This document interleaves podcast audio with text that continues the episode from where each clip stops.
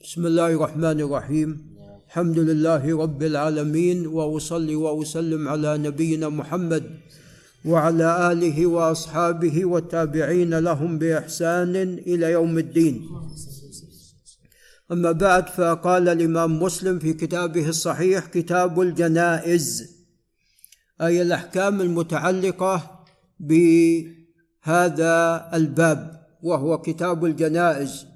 نعم فيما يتعلق بالمرض وفيما يتعلق بالموت وفيما يتعلق بالصلاة على الميت فلا شك أن هذه أحكام مهمة وينبغي على المسلم أن يكون عالما بها. قال حدثنا أبو كامل الجحدري فضيل بن حسين وعثمان بن أبي شيبة وعثمان هو أخو بكر. هو أخو أبو بكر بن أبي شيبة العبسيان الكوفيان. عثمان توفي سنة تسع وثلاثين ومائتين وأما أبو بكر فسنة خمس وثلاثين. قال كلاهما عن بشر. قال أبو كامل حدثنا بشر بن المفضل. طبعا فضيل بن حسين عفوا عثمان بن أبي شيبة قال حدثنا بشر وأما أبو كامل قال بشر بن المفضل. وهذا من دقة الإمام مسلم بشر بن المفضل الرقاش البصري. قال حدثنا عمارة بن غزية. قال حدثنا يحيى بن عمارة الأنصاري. قال سمعت أبا سعيد الخدري سعد بن مالك بن سنان يقول قال رسول الله صلى الله عليه وسلم لقنوا موتاكم لا إله إلا الله. والمقصود بمولاكم أي المحتضر. الميت لو كان المقصود الميت الميت مات. لكن المقصود يعني الذي نزل به الموت فيلقن هذه الكلمة العظيمة حتى يختم له بها. نسأل الله عز وجل أن يجعل آخر كلامنا هو هذه الكلمة. يا كريم. قال لقنوا موتاكم لا إله إلا الله. قال وحدثناه قتيبة بن سعيد وهو الثقفي. قال حدثنا عبد العزيز يعني الدراوردي وهو بن عبيد. حاء وحدثنا أبو بكر ابن أبي شيبة العبسي. قال حدثنا خالد بن مخلد القطواني الكوفي. قال حدثنا سليمان بن بلال جميعا بهذا الإسناد. يعني بارك الله فيكم الدراوردي مع سليمان بن بلال. إي نعم عن يحيى.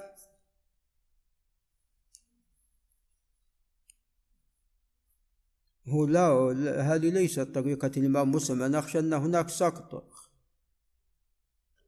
نرجع إلى فيصل شو اللي في نسخته؟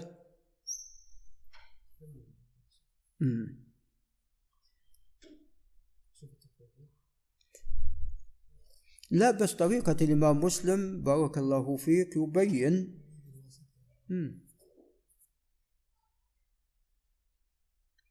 نعم قال جميعا بهذا الإسناد. قال وحدثنا عثمان وأبو بكر ابن أبي شيبة. حا وحدثني عمرو الناقد. قالوا جميعا حدثنا أبو خالد الأحمر وهو سليمان بن حيان عن يزيد بن كيسان عن أبي حازم عن أبي هريرة رضي الله تعالى عنه قال قال رسول الله صلى الله عليه وسلم لقنوا موتاكم لا إله إلا الله. نعم تفضل. قال النووي عند قوله وحدثنا قتيبة قال حدثنا عبد العزيز وردي وروح وحدثنا أبو بكر بن أبي شيبة قال أخبرنا خالد بن مخلد قال أخبرنا سليمان بن بلال جميعا بهذا الإسناد قال هكذا هو في جميع النسخ وهو صحيح قال أبو علي الغساني وغيره معناه عن عمارة بن غزية الذي سبق فيه الإسناد الأول ومعناه روى عنه الدراوردي وسليمان بن بلال وهو كما قاله أبو علي.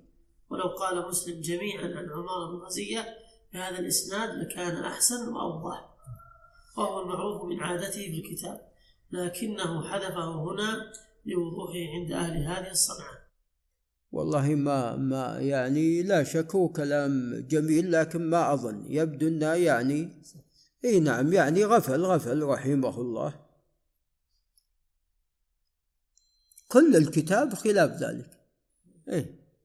كل الكتاب خلاف ذلك. اعطنا القلم يا أبو محمد. يا الله. بارك الله فيك. اقرا لنا الإسناد مرة ثانية. أنت قلت كأنك روح قلت. أي هنا ما في روح. لكن نسخة المنهاج مم.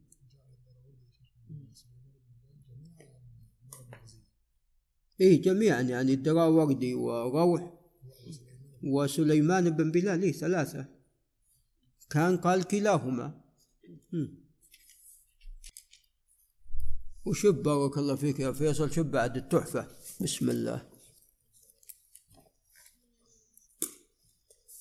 قال حدثنا يحيى بن أيوب وهو الشامي الحمصي وقتيبة بن سعيد وابن حجر وهو علي بن إياس وهو علي بن إياس بن حجر جميعا عن إسماعيل بن جعفر بن أبي كثير الأنصاري الزرقي. قال ابن أيوب حدثنا إسماعيل قال أخبرني سعد بن سعيد وهو أخو يحيى بن سعيد بن قيس عن عمر بن كثير بن أفلح عن ابن سفينة عن أم سلمة رضي الله عنها قالت أنها قالت سمعت رسول الله صلى الله عليه وسلم يقول ما من مسلم تصيبه مصيبة فيقول ما أمره الله إنا لله وإنا إليه راجعون إنا لله وإنا إليه راجعون اللهم أجرني في مصيبتي واخلف لي خيرا منها إلا أخلف الله له خيرا منها وهذا من فضل الله. قالت فلما مات أبو سلمة قلت أي المسلمين خير من أبي سلمة؟ أول بيت هاجر إلى رسول الله صلى الله عليه وسلم كأنها ترددت. ثم قالت ثم إني قلتها فأخلف الله لي رسول الله صلى الله عليه وسلم. قالت أرسل إلي رسول الله صلى الله عليه وسلم حاطب ابن أبي بلتعة يخطبني له. وحاطب بن أبي بلتعة يبدو أن أخوها من الرضاع. فقلت إن لي بنتا وأنا غيور. فقال أما ابنتها فندعو الله أن يغنيها عنها أن يغنيها عنها. وأدعو الله أن يذهب بالغيرة. قال وحدثنا أبو بكر بن أبي شيبة العبسي قال حدثنا أبو أسامة حماد بن أسامة عن سعد بن سعيد الأنصاري قال أخبرني عمر بن كثير بن افلح قال سمعت ابن سفينة يحدث أنه سمع أم سلمة زوج النبي صلى الله عليه وسلم. تقول سمعت رسول الله صلى الله عليه وسلم يقول ما من عبد تصيبه مصيبة فيقول إنا لله وإنا إليه راجعون. اللهم أجرني في مصيبتي واخلف لي خيرا منها. إلا أجره الله في مصيبته وأخلف له خيرا منها. قالت فلما توفي أبو سلمة قلت كما أمرني رسول الله صلى الله عليه وسلم فأخلف الله لي خيرا منه رسول الله صلى الله عليه وسلم. فيشرع للإنسان إذا وقع في مصيبة أن يقول ذلك. يقول إنا لله وإنا إليه راجعون. اللهم آجرني في مصيبتي واخلف لي خيرا منها. قال وحدثنا محمد بن عبد الله بن نمير الهمداني قال حدثنا أبي قال حدثنا أبي عبد الله بن نمير قال حدثنا سعد بن سعيد قال أخبرني عمر يعني ابن كثير عن ابن سفينة مولى أم سلمة عن أم سلمة زوج النبي صلى الله عليه وسلم قال سمعت رسول الله صلى الله عليه وسلم يقول بمثل حديث أبي أسامة وزاد قالت فلما توفي أبو سلمة قلت من خير من أبي سلمة صاحب رسول الله صلى الله عليه وسلم؟ ثم عزم الله لي فقلتها قالت فتزوجت رسول الله صلى الله عليه وسلم. قال حدثنا أبو بكر بن أبي شيبة وأبو كريب وهو محمد بن العلا الهمداني. قال حدثنا أبو معاوية محمد بن خازم الضرير عن الأعمش سليمان بن مهران عن شقيق بن سلمة الأسدي أبو وائل عن أم سلمة هند بنت أبي أمية قالت طبعا هي آخر زوجات رسول الله صلى الله عليه وسلم وفاة توفي سنة ثنتين وستين وقيل غير ذلك. قالت قال رسول الله صلى الله عليه وسلم إذا حضرتم المريض أو الميت فقولوا خيرا فإن الملائكة يؤمنون على ما تقولون. قالت فلما مات أبو سلمة يعني الملائكة حاضرين. قالت فلما مات أبو سلمة أتيت النبي صلى الله عليه وسلم فقلت يا رسول الله إن أبا سلمة قد مات. قال قول اللهم اغفر لي وله واعقبني منه عقبى حسنة. قالت فقلت فاعقبني الله من هو. خير لي منه محمدا صلى الله عليه وسلم. قال حدثني زهير بن حرب وهو النسائي البغدادي. قال حدثنا معاوية بن عمرو قال حدثنا أبو إسحاق الفزاري وهو إبراهيم بن محمد أبو إسحاق الفزاري من أهل العلم والفضل. نعم وهو من ذرية عيينة بن حصن. وكان يعني فيهم الرئاسة في قبائل في القبائل في قبائل قيس عيلان. وهم هوازن وغطفان فكانت الرئاسة فيهم في هؤلاء فزار الذين هم من غطفان. نعم. لا لا لا. الرئاسة الرئاسة فيهم رئاسة القبائل. من غطفان هم بارك الله فيك هذه من من بارك الله فيك مضر. نعم. عن خالد الحذاء خالد بن مهران الحذاء عن أبي قلابة عبد الله بن زيد الجرمي عن قبيصة بن ذؤيب عن أم سلمة رضي الله تعالى عنها. قالت دخل رسول الله صلى الله عليه وسلم على أبي سلمة وقد شق بصره فأغمضه. ثم قال إن الروح إذا قبض تبعه البصر. اذا السنة إذا كان الميت قد فتح بصره يغمض. نعم.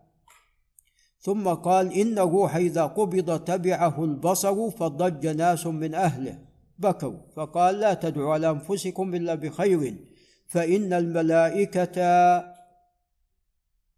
يؤمنون على ما تقولون. ثم قال اللهم اغفر لأبي سلمة وارفع درجته في المهديين واخلفوا في عقبه في الغابرين واغفر لنا وله يا رب العالمين وافسح له في قبره. ونور له فيه.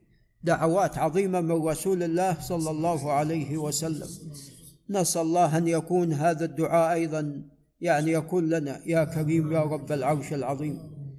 قال وحدثنا محمد بن موسى القطان الواسطي.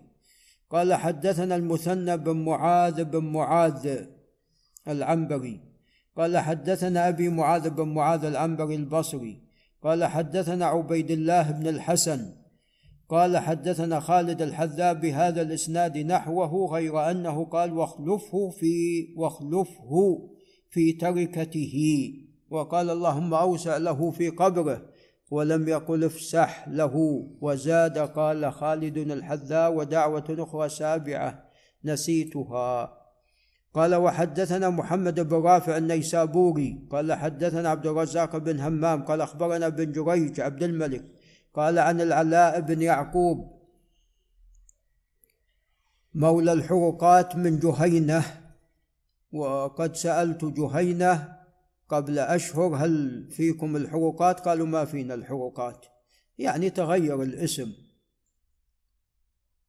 قال أخبرني أبي يعقوب بن عبد الرحمن أنه سمع أبا هريرة رضي الله تعالى عنه يقول قال رسول الله صلى الله عليه وسلم ألم تروا ألم تروا الإنسان إذا مات شخص بصره؟ قالوا بلى. قال فذلك حين يتبع بصره نفسه. قال حدثناه قتيبة بن سعيد قال حدثنا عبد العزيز يعني الدراوردي عن العلاء بهذا الإسناد. ولعل نقف عند هنا. يا الله يا كريم.